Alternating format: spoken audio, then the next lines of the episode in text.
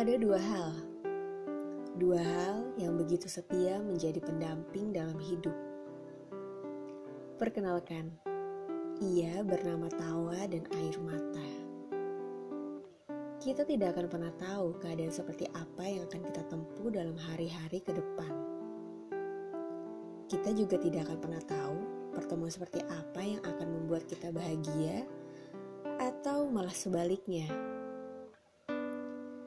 Detik-detik yang selalu berjalan adalah parade dalam mensyukuri anugerah Tuhan.